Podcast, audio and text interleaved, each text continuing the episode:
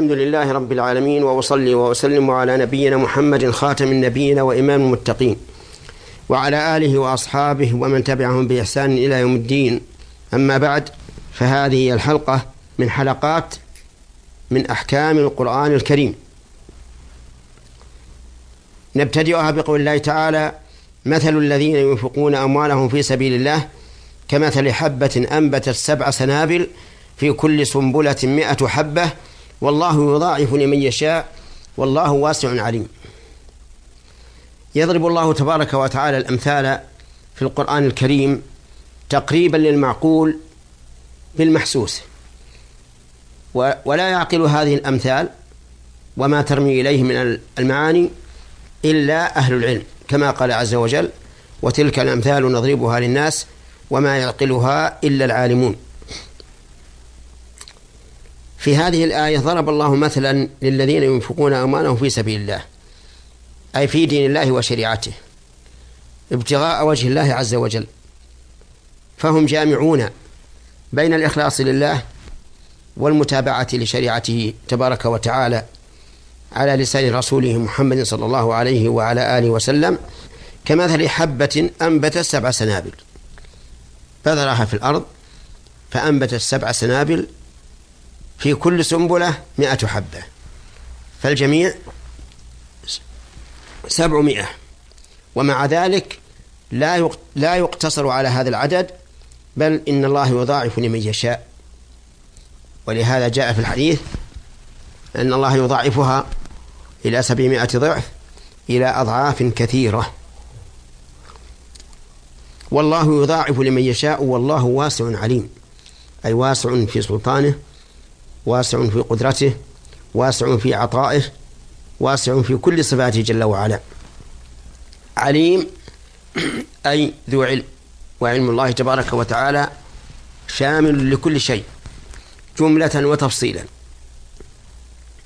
قال الله تعالى والله بكل شيء عليم وقال الله تعالى وعنده مفاتح الغيب لا يعلمها إلا هو ويعلم ما في البر والبحر وما تسقط من ورقة إلا يعلمها ولا حبة في ظلمات الأرض ولا رطب ولا يابس إلا في كتاب مبين. في هذه الآية من الحكم والأسرار ضرب الأمثال. ولا شك أنه أعني ضرب الأمثال من الصيغ التي تقرب المعاني إلى الأفهام. ومنها عظمة القرآن الكريم في بيانه في بيانه وإيضاحه. وقد قال الله تعالى ونزلنا عليك الكتاب تبيانا لكل شيء ومن فوائد الآية الكريمة أن من أنفق ما من أنفق في سبيل الله ما ليس مالا له وليس له ولاية عليه فإنه غير مقبول منه لقوله أموالهم. فلو أن أحدا سرق من شخص مالا وتصدق به لم يقبل منه. ولو أنه غصب مالا فتصدق به لم يقبل منه. ومن من الفوائد والأحكام الإشارة إلى الإخلاص والمتابعة في قوله في سبيل الله. فمن لم يخلص لم يقبل منه. كالذين ينفقون أموالهم رئاء الناس. ومن لم يكن على شريعة الله لم يقبل منه. كالذين ينفقون أموالهم فيما حرم الله عز وجل. ومن فوائد ومن حكم هذه الآية الكريمة وفوائدها أن فضل الله تبارك وتعالى لا حد له. لقوله والله يضاعف لمن يشاء ولم يحدد. ولهذا جاء في الحديث إلى أضعاف كثيرة ومن فوائدها. إثبات هذين الاسمين الكريمين لله وهما واسع وعليم وما تضمناه من صفة وهي السعة في كل ما يتصف الله به والعلم في كل ما العلم في كل شيء. ثم قال الله تبارك وتعالى الذين ينفقون أموالهم في سبيل الله ثم لا يتبعون ما أنفقوا منا ولا أذى لهم أجرهم عند ربهم ولا خوف عليهم ولا هم يحزنون. هذه الآية جاءت عقب الآية الأولى لأن فيها الإشارة إلى أن الإنفاق يجب أن يكون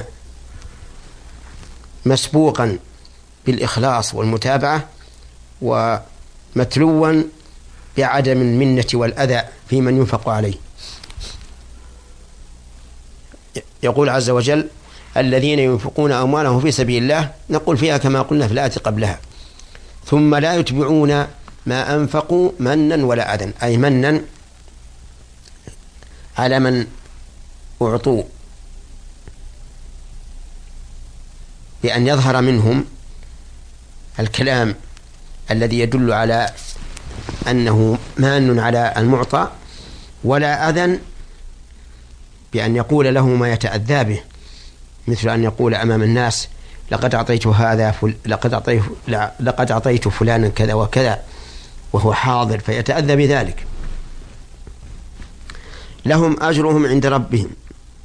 هذه الجملة هي خبر المبتدأ في قولها الذين ينفقون. أي لهم ثوابهم عند الله عز وجل. وسمى الله تعالى الثواب أجرا لأنه في مقابلة عمل. ولا خوف عليهم مما يستقبل. ولا هم يحزنون مما مضى.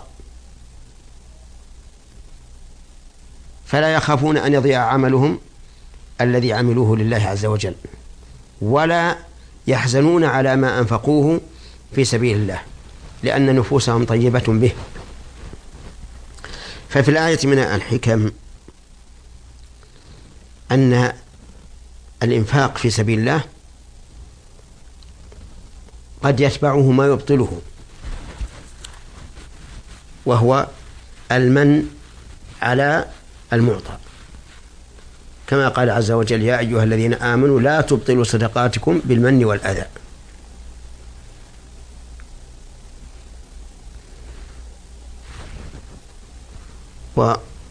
وقد جاء في الحديث الصحيح عن النبي صلى الله عليه وعلى آله وسلم أنه قال ثلاثة لا يكلمهم الله يوم القيامة ولا ينظر إليهم ولا يزكيهم ولهم عذاب أليم.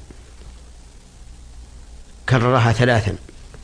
فقالوا يا رسول الله خابوا وخسروا. من هم قال المسبل والمنان والمنفق سلعته بالحلف الكاذب. ومن حكمها وفوائدها. تحريم المن والأذى. لأن المعطي قد أضاع ماله إذا أتبعه المن والأذى. وإضاعة المال محرم محرمة لأن النبي صلى الله عليه وعلى آله وسلم نهى عن إضاعة المال. ومن الحكم أن الله سبحانه وتعالى أضاف الأجر عنده وهو سبحانه وتعالى لا يظلم أحدا. لا بنقص من حسناته ولا بزيادة في سيئاته. ومنها عظم منة الله عز وجل حيث سمى الثواب أجرا وكأنه أمر أوجبه الله تعالى على نفسه كأجر الأجير الذي يجب على مستأجره.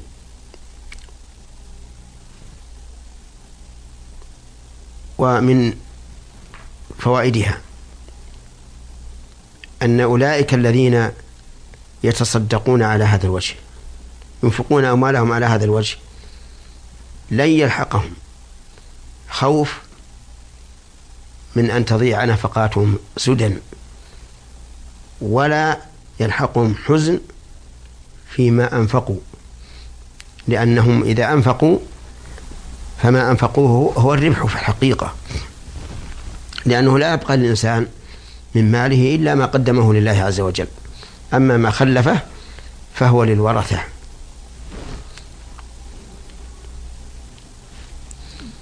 ثم قال الله تعالى قول معروف ومغفرة خير من صدقة يتبعها أذى وسيأتي الكلام على هذه الآية.